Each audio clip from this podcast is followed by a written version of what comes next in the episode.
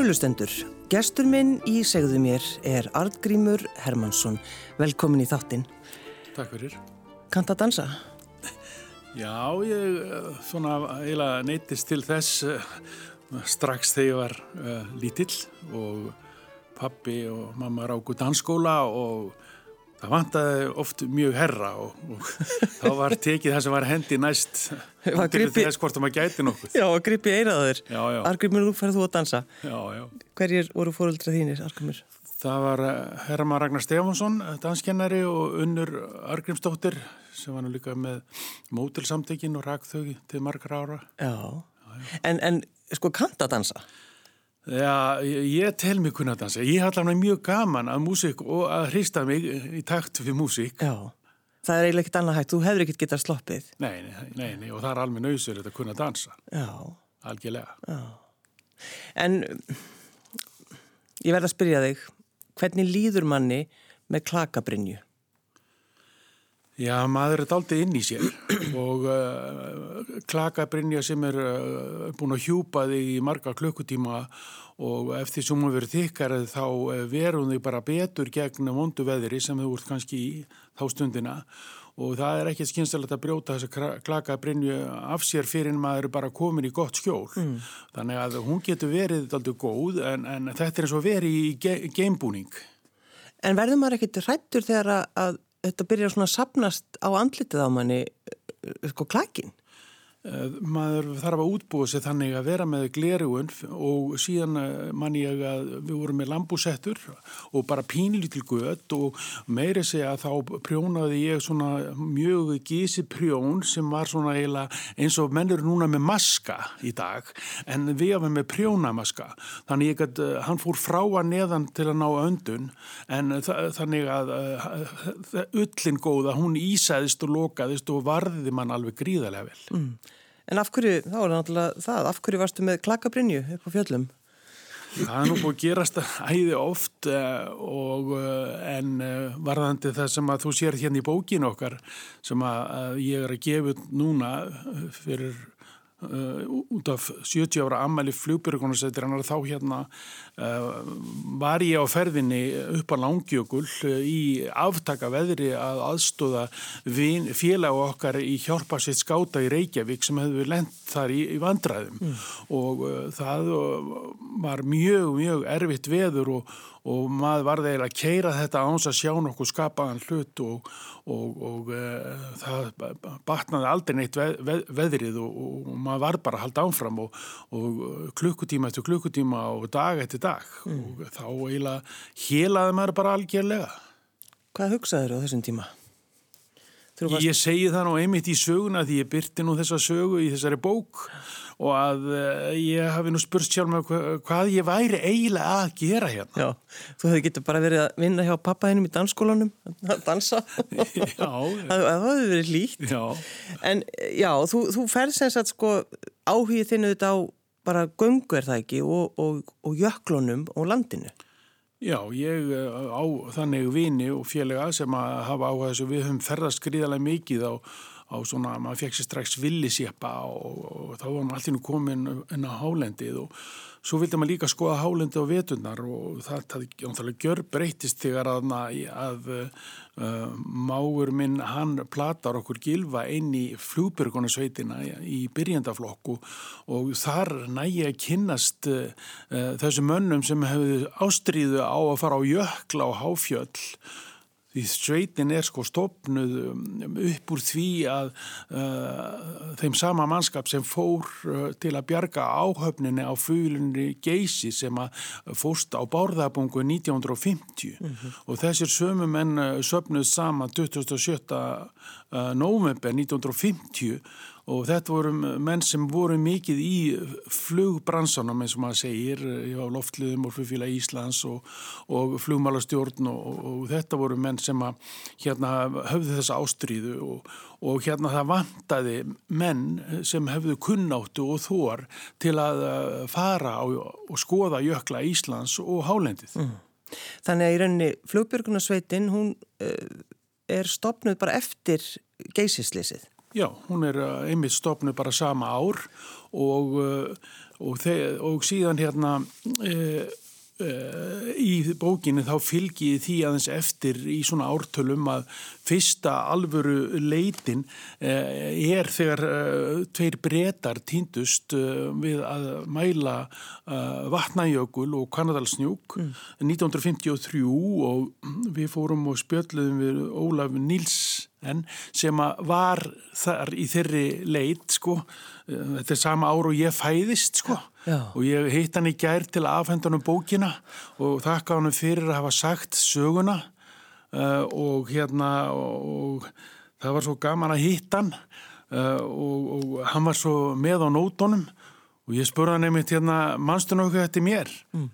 hann held það nú, það varst þú sem að uh, kerðir okkur gömlukallana uh, frá jökulheimum og upp á Grímsfjall og við vonum ekki nema þrjá tíma á leiðinu á einhverjum jeppum. Þeir voru sko í fleiri daga þessi gaurar á einhverjum eldgömli snjóbílum þegar þeir voru að ferðast. Og þetta myndan og það eru 26 ár síðan. Já, þetta er náttúrulega ótrúlegt sko. En Björgunarsveitin, uh, 70 ára og þegar að þeir gera sig greið, þegar fólk gerir sig greið fyrir því að, að við bara gátum valla bjarga þeim af jöklunum að því að við vorum ekki með flugvilar, við vorum ekki með neitt. Þannig að þá kom náttúrulega herin, er það ekki? Jú, það er nú einmitt saga að segja frá því líka sem tengist þessu er að herin lendir hérna með skíðaflugil mm -hmm. Og, og, og þeir komast ekki á loft aftur, hvað sem þeir reyna. En, en uh, kannski voru við smá heppin við Íslendingarnir og þeir sáu tækifæri þessi menn í því árið setna því veljum að skilin eftir að þeir keiftu flugilana hvort það var á 1 dólar eða 1 krónu, ég man ekki hvort það var en, en þeir ákvæðu að reyðjast upp á vatnaugul og sækja þessa flugil Já og sem er náttúrulega alveg sínir hvernig þessi menn eru. Þetta voru margir af þessu mennum stopnuðu flýbjörnum og þeir hérna dróana með jarðítum niður af jöklunum og sett hann svo í gang niður á eironum og, og, og flugunni bara í loftu og flugunni til Reykjavíkur, þetta er náttúrulega alveg ótrúlegt. En þegar maður hugsaður um þetta bara frá 1950 og ef maður skoða þessar myndir, fyrsta lagi náttúrulega bílarnir og fötinn og bara hvernig, sko ég verða að segja það, bara því líkir töffarar. Þetta náttúrulega þeir, menn áttu bara ekki neitt nema öllina sína sem var ekki neitt nema svo sem, en eh, menn voru í öllabrókunum alveg, vist sem einst og uh, svo var það þannig að það var mikið samband við herin og það var að vera að hyrða á honum allt sem hægt var að hyrða, hvort sem það voru föti eða gönguskíði eða, eða uh, jeppar sem voru villisjeppar eða þá þessir hérna výbónbílar sem voru aðeins starri og svo þessi snjóbílar sem voru kallar víslar sem þetta, þetta eru náttúrulega í dag alveg skelvileg faratæki og ég kem í sveitina þarna 73 og ég næ einmitt að, að vera vittni að uh, ferðast í þessum druslum og, og, og, og þeir voru líka á sín eigin bílum eins og eh, kannski eins og Sigurður Vógu var með Sanitas og hann lagði til 7up eh, bílana sína og Pepsi Cola bílana og Guðmundi Jónasson hann lagði til rútur og einhverja Karol bíla sem voru stórir og öflugir og, og Úlvar Jakobsen var þarna líka þannig að þetta voru fjallamenn alveg alla leið. Já. En þeir sem eru í flugbjörgunarsveitinni verða þeir ekki að hafa mikinn áhuga einmitt á landinu? Jú, það er nú þannig að sko að, að flugbjörgunarsveitin er algjörlega sjálfbóðilega sveit. Það er engin á launum á flugbúnarsvitinni mm. og uh, allt þetta fólk sem er að leggja til vinnu, ekki nómið það það þarf að leggja vinnu til að sapna peningum til að reka sveitina og heldur það að líka tilbúð í útgöll og ekki bara útgöll heldur líka allar æfingarnar mm. Og það er það sem að mér hefur fundist vant að fjalla um og þegar að ég ákveða að ég þyrta að gera bók um mitt tímabil í flugbjörnarsveitinni sem spannar þá 20 ár að ég gætt hafið svo góða yfirsýn í báðar áttir, bæði hérna 20 árun á undan og núna 20-30 árun á eftir mm -hmm. og með, en, en til að, að opna málinu og mikið og gera hana bókina virkilega áhugaverða fyrir alla að þá uh, vildi ég nú ekki hafa neitt sorglegt í henni þannig að, að ég leitaði til uh, annara og baða um að gera eina góða sögu sem að þeim langaði að segja til að hafa í bókinni. Mm. Allir tóku þátt nema einn og ég fekk 40 sögur og uh, sjálfur reyndi ég síðan að uh, segja sögur sem að mér fannst vanta inn í ákveðin tímabill þannig að, að í bókinni eru einhverjar 80 sögur og uh, sagðar af 40 sögumönnum. Mm. En Argumur, því þú tekur þess ákveðin í raun að hafa ekki engan dauða í þessari bók?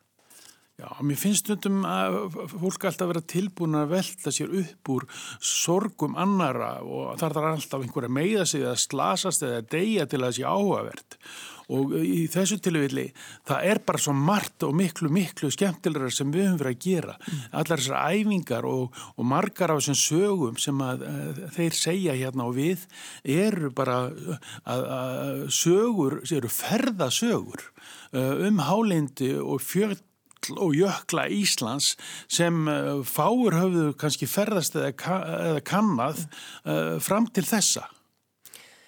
Viltu segja okkur frá því þegar að þú ásand félögum þínum uh, lappaðir yfir Ísland 1976?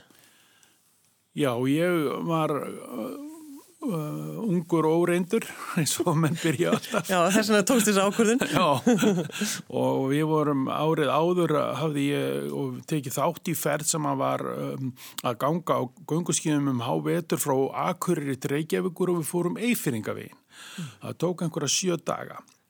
Við hérna vorum þarna nokkri sem að hugsa um gott í glóðurana það hefði aldrei verið farið sko frá austri til vestus alla leiðina á gunguskýðum og ganga yfir alla jöklana þrjá og yfir sprengisand og kjöl og, og við vorum búin að ákvæða það ef að við ætlum að vera góðir flugbyrgunarsvita menn þá náttúrulega yrðum við að kunna bjarga okkur á, á fjöllum og jöklum og við hérna ákvæðum að, að, að fara það, svona ferð oh. 1976 Þá ertu þarna 22 ára gammal Já, Já. og Hvað varstu þungur? Ég var, tók þetta svo alvarlega að ég þjálfaði mig svo mikið og æfiði rosalega og var að synda og ég voru með æfingabrókarm alveg stöðugt, allir. Og ég var komin uh, alveg, ég var komin í 8-10 og 1 kíló þegar ég laði á stað. Mm -hmm. var ekkert nema vöðvar. Og, eh, og eh, síðan leggjum við nú á stað og það er engið þurrmatur þá sko, það er við vorum bara með sko hérna hangi kjött og saltfisk og reyktanfisk og eitthvað svona. Og við dróum þetta á púlkum á svona snjóþótum og við vorum á skýðum og vorum sex og það voru þá uh, þannig að voru þrýr og þrýr í tjaldi. Það kom svo ágjörlega út. Og uh, Eh, síðan eh, göngum við þetta og það lengist nú alltaf í göngunni því að alltaf verum við að lenda í vondu veðri annarslægi þannig að það lengist alltaf í, í, í göngunni og það er náttúrulega einhver símar og, og það er engin á ferðinu og, og, og svona og við hérna uh, svo bílaðum aðeins tjaldið og það var að vera að gera við það og svo brotnaði nú skýði og stafur og, og alltaf svona lítið uh, litli hlutir þegar þetta verður svo erfitt og, og þegar uh, kaffibrúsandi fóru að brotna því að þóttunar uldu þá gáttum við verið með svo lítið heitu vatni við daginn og allt þetta var til þess að gera alltaf verður hérna erfiðar og erfiðari og uh, hælsæri og allt þetta sem að fylgjir þessu. En, en það, við þjóskuðumst áfram alveg endalaust og, og, og uh, komum á hveravelli og þau höfðum ekki séð fólk síðan um hausti sko. Það var þeim tíma. Það var á þeim tíma alveg bara hérna, og voru svo glöða að sjá okkur.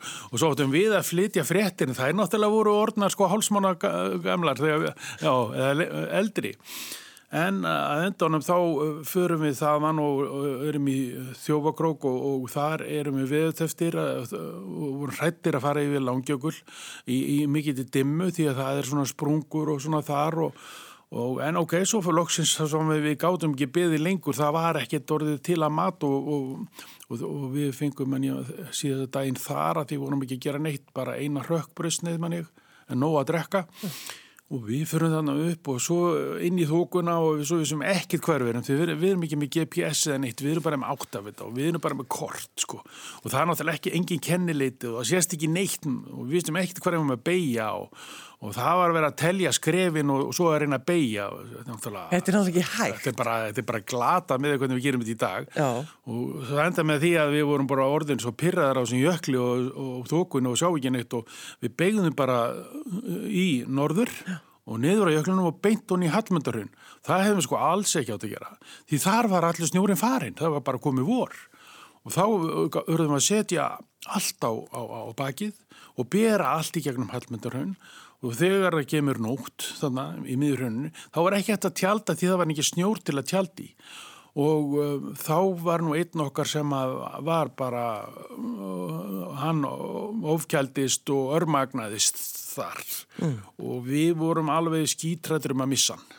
Og við settum hann í áttasveppoka alla sveppoka sem við áttum og við vorum að hýta fórum í einn svona raungjótu vorum að hýta vatnandunum og og svona hann hjaraði við högt og rólega og en svo var sett allt á bakið og haldið ánfram njátt að kalmanstungu og, og við komumst þangað uh, á síðustu drópanum, það verður nú að segja eins og er og, og maður gekk ansi nærri sér því að, að ég, ég var ekki nema 71 kíló þegar, þegar ég kom heim Já en það sem þú gerðir þó, Argrimur, þarna eftir þessa, þessa, þessa göngu ykkar, þessa erfiðu göngu það var að þú bara fórst beint og þú giftið þig.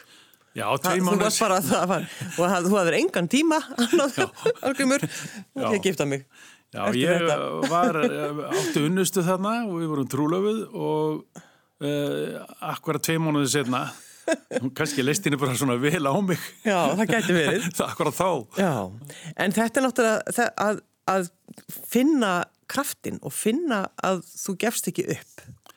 Það, Þetta er um, rétt hjá þér að sko að eftir svona og, og ef þú hefur búin að sigrast á einhverju svona þá raskar ekkert róðinni það er alveg sama hver er.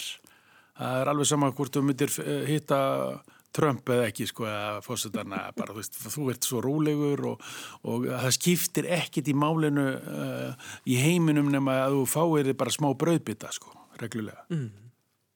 En Argrimur, þegar maður hugsaður um þessa hluti og hugsaður um þetta fólk, uh, fyrst voru náttúrulega, voru ekki konur bara, það voru bara bannaðar? Jú, það var nú alltaf þannig sko í flugbunarsettinni að það var kvennadild og þetta voru nú konurnar okkar. Já. og eru voru alltaf að styðja okkur og þú veist, það er útbygguð nestið, við vorum í margar daga leitum og einhverju var að vera heima hjá börnunum og, og, og framið til göttunum, þannig að þetta bara þróaðist svo leiðis og svo og voru þær að baka fyrir fundi og voru með fjáröfnum, svo keiftum við kökunar aftur sumu kökunar sem við vorum búin að kaupa einsinni og, og það er að baka og, og svo gáðu þær okkur svona bíla og allt mögulegt og, og það eru ennþá að en núna er þetta breytt og, og konur ganga inn í sem fullgildir félagar í flugbunarstutinu fyrir þó nokkuð mörgum áru sínum var þetta breytt. Já, já, nákvæmlega.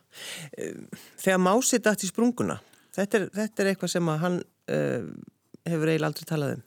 Nei, Þetta var nú aldrei svona viðkvæmt mál. Ég, ég og Másið eru miklir og góðir vinnir og höfum verið lengi mm. og ferðast mikið saman uh, og hann hefur hjálpað mér oft í ýmsum málum að, en þegar hann er 17 ára þá er þeir félagarnir sem er svona aðeins og undan mér Jörgundi Guðmundsson og, og Hjalti Sigursson og fleiri þeir eru að fara því það var búið að vera grímsvarnarlaup og menn vildi fara að sjá hvað var grímsvarnarlaup mm. og þeir eru bara ganga á gönguskýðum til að fara og skoða það sko. Og þá hérna bara fór þeir þangað og voru marga dag á leiðinni og, og svo hérna þegar þeir voru að fara að lappa nýri vötn þá bara brestur einn risastór snjóbrú undamása og uh, tæknin á þeim tíma þeir eru ekki sko, neinum uh, klefurbeltum eða þannig að þeir eru bara með eitt spotta sem er nú kannski daldi sver með það sem við nótum í dag þessar spottar sem þeir voru með voru kannski 13 jáfnvegar 15 mm línur í dag eru við bara kannski með 7 og, og, þetta er bara nýðhungt og þeir bara rulluðu þessum spottum utanum mittið á sér eða brjóstið. Og, og bundu bara nút og svo köllur þetta fínu nöfnum eins og endamannsnútur og svo sem verið í miðjunu hafa verið miðmannsnút og það sem verið í hinum endanum verið í öðrum endamannsnút Svo náttúrulega komaði því að, mási hann brast undan snjóengi og hann dettur nýður Þeir ná að bremsa sig af áður en fleiri detta honi, alveg bara á brúninni. Og hérna og, og svo vita menna eiginlega ekkit hvað gerðist nema bara að uh, þeir voru þrýr og þrýr í bandi og hinn voru komnið lengra og svo snúa þeir við að því hinn kom ekki og, og svo koma þeir og þá eru bara þeir í sjokki upp á brúninu því að því allt, það var allt í nú slaknað á bandinu og mási bara horfin mm og menn hafa ekki alveg vita hvað gerðist og, og voru að geta sér til um það en, uh, en þeir bara gáttu heldur ekki ekki dreigið másaðan upp með þessum útbúnað sem þeir voru með og voru að reyna að búa til börur úr skíðunum sínum og voru en svo náður að kalla í hann og hann svarar á móti þannig að hann er lifandi og ný sprungunni lengst og ný sprungunni og, og, uh, og hann er sko bundin eða ekki? Jú, jú, hann losaði sig úr bandinu því að hann var að kapna oh. útbúinunum var þannig og, um, og hann segi nú betur frá þessu því að ég var búin að byggja hann að segja frá þessu uh, nokkuð lengi en hann vildi það ekki. Svo ég fekk tvo aðra til að segja frá þessu mm. en svo rétt áður en bókin fór í prentun þá komu sex blaðsjur frá Mása. Og hann segir alveg frá hvernig þetta var. Þannig að hann í rauninni þetta hefur verið það hrikalegt að hann talaði einhvern veginn aldrei um þetta. Já, hann vildi það nú ekki sko, en, en eftir þetta sko, þannig er hann ekki nema 17 ára, Já. en hann gerist jöklafræðingur eftir þetta. Já. Þannig að það, svona er nú skrítið lífið. En hvernig komið þér honum upp? Það var svo ótrúlegt að, að það var uh, út af Grímsváfnarlöpinu, það voru uh, vísindamenn upp á Grímsfjalli og, og þeir höfðu verið fluttir með þyrlu varnarlesis og hún var á sveimið hana og þeir gáttu komið skilabóðum til að þeir var í vanda og það endaði með því að, að hún sendi niður sko víra eða, eða bönd og, og þeir náðu að binda mása þar í og, og, og þeir hýfðu hann bara upp sko uh, í þyrlunu og hann slóst svo leiðist til í veggina fram og tilbaka uh, og hann var allur brotin og bramlaður. Ja. en hann komst á borgarspítalan Þetta er náttúrulega bara ótrúlegt og það er náttúrulega þessi bók eh, argrímur, þetta er, það er eins og þú segir allar þessar sögur og það er eitthvað gaman einmitt við það eh, finnst fannst mér svolítið skrítið og varst að segja nei, við viljum ekki dauðan Já. en þetta er, það er svolítið gaman einmitt að, að fletti í gegnum hana og, og að, að fá þessar sögur allar og það er til dæmis argrímur, þú náttúrulega eins og þú saði við mig þegar við settust við getum verið hér í allan dag til þess að skoða þetta Já. Mér langar svo að fá vita þegar þið fundið herrflugvilegnar á Grænlandi. Já, það er nú svona, sko, uh, það var eiginlega næsta bók sem ég hafði mér að búa til. Já, já. Þú aðeins undan á. Já, já, já. en uh, það er aldrei merkilegt að, ég var með Mása, mitt Mási var í, í því að, að mæla og þyktamæla jökla Íslands með Helga Bjössin og fleirum og uh, þeir á raunastofnun hafðu búið til svona apparat sem þeir kölluðu Ísjá sem að sendi niður svona bylgjur og og þá kemur að flugulinn geysir einaferina enn inn, inn í mitt líf sko og við erum að mæla, þykta að mæla borðabungu og heldur að við sjáum ekki einhver debil á skjánum sem er ótskýrður á 80 metra dýpi. Og þá bara hérna e, veit ekki hvað það er og hvort þetta sé bara loftsteinn eða bara geimflög eða eitthvað, ég veit ekki. En þá sagðu hörður heitin hafliða sem að Emmitt fór upp af flugulunni Geysi á sínu tíma uh, með Óla Níls sem er henni hérna í bókinni og þá segir hann hérna við mig ég við erum að sama stað og flugulunni Geysir hrapaði. Þetta er örgla hún. Þá allt í henni sko áttuð menna sig á sig að þessi ísjá getur séð flugjalar og svo heyrði maður að því að bandaríkmenninni voru að leita af áttaflugilum í Grannasjöklu sem að fórust þar 1942. Átta herrflugverðar? Já og þegar ég, ég heyrði að þeir fyndi find ekki neitt þá myndi ég eftir Ísjáni og ringdi í þá og sagði við þá hérna já, ég skildi bara finna þetta fyrir þá og þeir hlóðu nú mikið af því amerikananir en þeir hafa nú eitthvað að hugsa sig um því þeir ringdu þremdegum setna og fengi að koma Ísjána og fórum út í Rauðminsastofnum til Jón Sveinssonar og Helga Björnssonar og bara daginn eftir vorum við Jón og Helgi bara konur á Grænlandsjökul og fundum flugvilan bara eiginlega sama dag. Vá, voru þær alveg bara eins og nýjar eða hvað? Þær voru saman aðeins kramdar en, en það tók nú sko fimm ára náðum upp. Jú, jú, einmitt. og, og þessari einu sem þeir, sem þeir náðu upp. Já. Og hín er það ennþá en það var allt rosalega heillegt af því að það komst ekki súrefna þessu þannig að sko, það var ekki rið eða tæring eða svoleiðis þannig að við komum skotið þarna úr bissum og svona sem við fundum og allt svoleiðis bara. ótrúlegt. Argrimur, það, þú, sko, þú ert geislafræðingur, Já, ég Röntgen- er... röngan teknir, svo. Já, Og varstu að vinna við það lengi?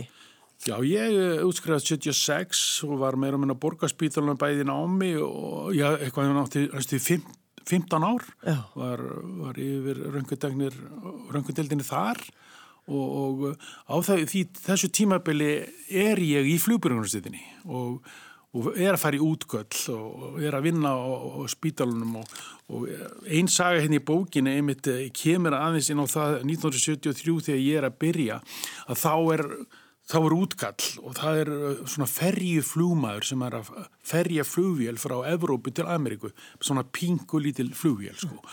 Og hann næri ekki inn til Íslands eða mm, inn á Reykjavíkflugull og er bara týndur. Og við erum bara ræstir út um kvöldu og nóttun og við erum að leita alla nóttuna í bara uh, kólbrjálauveðri og sáum ekki neitt og þoka og rigning og ég veit ekki hvað og hvað og, og þetta var mín fyrsta leit. Og, ég, og, við, og við vorum bara keirðir á gömlu výbónunum eitthvað. Ég lendi upp í Skarsmýrafjalli og veist, 20 kallar. Heru, ég er, ég skal, segir, við vissum aldrei hvar við vorum. Við löpum bara eitthvað og eitthvað og eitthvað. Svo þegar við vorum búin að lappa nóg þá bara löpum, reyndum að finna veginn svo fundum við veginn og, og en, nokkri týndust og kom ekki fyrir næsta dag til byggða sko.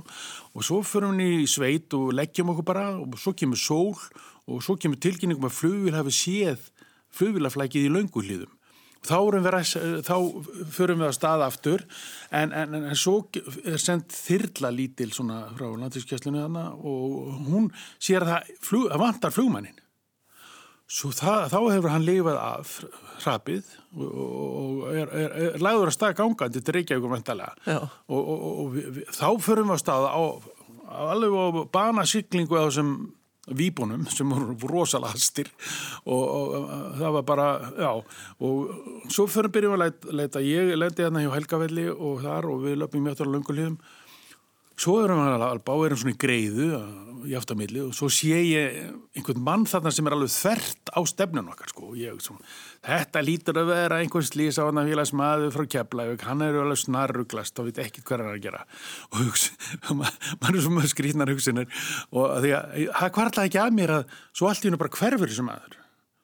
Og þá hafði hann séð okkur og þetta var flugmaðurinn og hann var náttúrulega mjög skattaður í andliti sem oft er með svona, uh, þú veist, uh, þeir sem lendi í flugslýsi og, og hérna uh, það kom þér til að bara pikka hann upp og svo var hann komin á, á spítalan og svo náttúrulega fór ég í vinnuna og, og fór á spítalan og fyrst í sjúklingur mér var þessi sami franski flugmaður þá mista hann andlitið í annarskiptið þannig saman dag. Þú sagði, já, svona er Ísland, svona er Ísland. Þetta er af dæmi Já. og þetta ætlaði undirstrega sko, allir í, sem er í björgnáðsveitinni, þeir eru í vinnu annar staðar.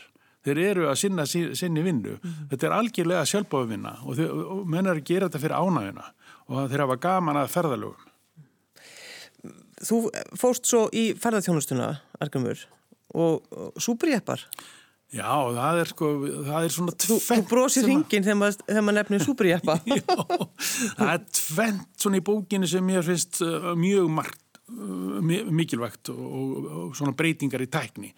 Það er náttúrulega fyrst hérna uh, eins og súperjeppanir að, að, að sko við kyrðum yfir jöklana þrjá þess að sömu leið og við gengum þannig að 1976, tíu ára setna þá keirum við sömu leiðina en þá voru stæðstu dekk sem við gáttum fengi voru 35 tómu há sem þykir nú bara slittu jeppadekk í dag.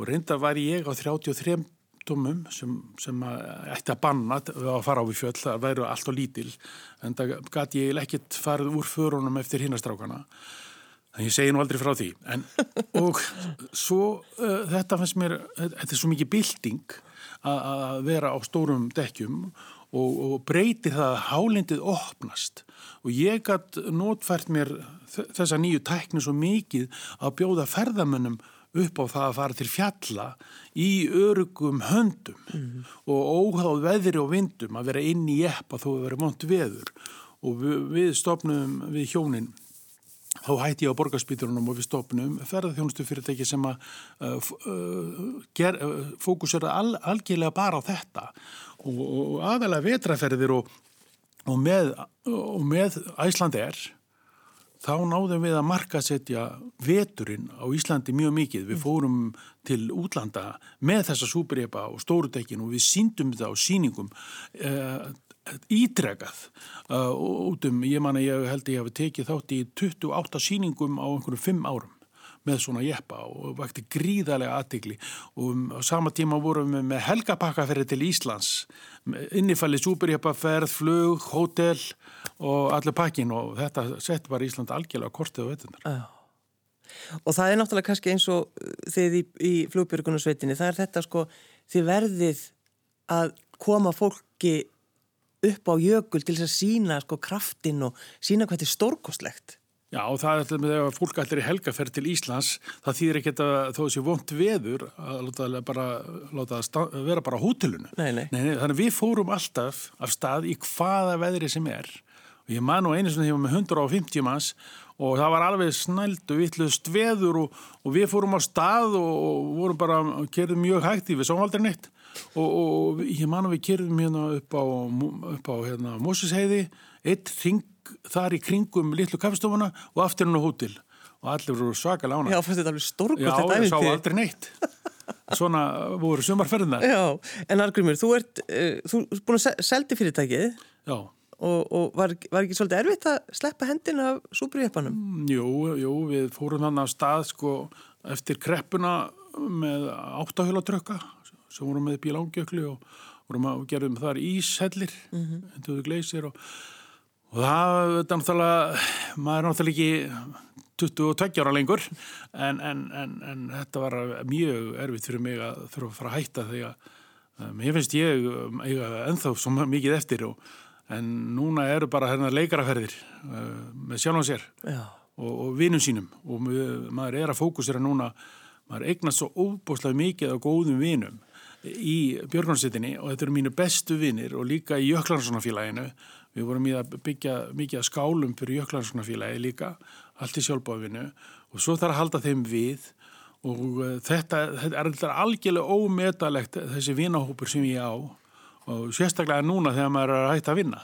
En það er eins og maður hefur oft argumur heyrt fólk tala um, það er þessi vinskapur á fjöllum. Já. Að það er einhver, það er, þetta er eitthvað einstakt. Já, við erum svo duglegir að hjálpa stað því að, að sko, ég er ekki bifilafyrki þannig að eru, þeir eru með í ferðinni og ef það kemur eitthvað upp á hjá þér þá ertu með mann sem kann kannski akkurat þetta sem er að og svo ef einhver meði sig þá er einhver annar sem kann eitthvað meirum það og, og, og þetta er svo mikið öryggi að hafa að, að við erum aldrei að þvælast einir. Mm. En sko því þú talaður um að þú ætlar að skrifa fleiri bækur Já Hún ætlar að skrifa fleiri bækur heldur en sýstín. hún er henni Jærmanns. Kom náttúrulega bók um hennar líf. Margret Blöndar skrifaði í fyrra. Já. Þannig að þið eru bæði farin að skrifa. Já, já. Þannig að þú ætlar í alvöru að skrifa fleiri bækur. Ég bara, sko, er með svo mikið og skemmtilegt efni að ég get ekki annað en, en, en sett þetta í bókaform og, og leift öðrum að njóta þess að ég hef svo nótið í gegnum árin. Já. og ekki nómið það heldur að menn geta lært svo mikið af þessu. Og, og, og uh, svona var þetta einu sinni. Og ég ætlaði líka að koma inn á þann að annað atrið í þessari bók sem ég finnst alveg stórmerkilegt sem ég var ekki búin að nefna það er náttúrulega Sigurður Harðarsson hann er radiovirki og hann eh, er algjör snillingur og, og hann skrifar hérna uh, sögu uh, talstafa og radiós á Íslandi hérna og með myndir af öllum talstöðunum síðan 1950 og hann byggði og smíðaði endurvarpana sem eru hérna um öll fjöll. Hann var í uh, nefnt spjörgunarsveitina sem átti að, að, sko, að, að kaupa endurvarpa og það var bara eitt bílverð að fá endurvarp frá útlöndum. Heldur að hann bara smíði þetta ekki bara heima hjá sér í, í bílskútnum uh, og, og ég efast að hann hafi tekið nokkuð fyrir það og þessi, þessi maður er algjörsnýtlingur og ég var svo þakklátur þegar hann treysti mér fyrir sögunni sinni og, og hún er í bókinni. Hvað er langt að þú farið upp á fjöll, Argemur? Það er bara alltaf að gerast. Það er bara að gerist eiginlega um hverja helgi og, og, og, og allavega þá er ég ferur í bænum um hverja helgi og við höfum farið mikið á, á vatnajökul. Það eru daldi viðhald á skálum Jöklarnarsfélagsins eða í Jökulheima og það þarf að gera það Svo hefur nú verið ringt í mig svona annars lægið uh, á gamla vinnustænum hefur þurft af einhverju svona gömum jökslum að halda sem eru með öll próf og réttindi en svo, já, uh, og þá hérna er ég alveg liðtækur. Artgrímur Hermansson, takk fyrir að koma. Takk sem leiðis.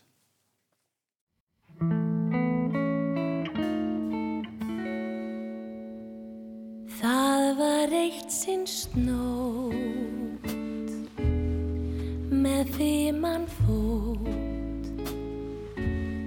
sem flýtti sér á stefnum mót. Sumar aftan síð er sólinn blíð. Til sveps var gengin bak við laungur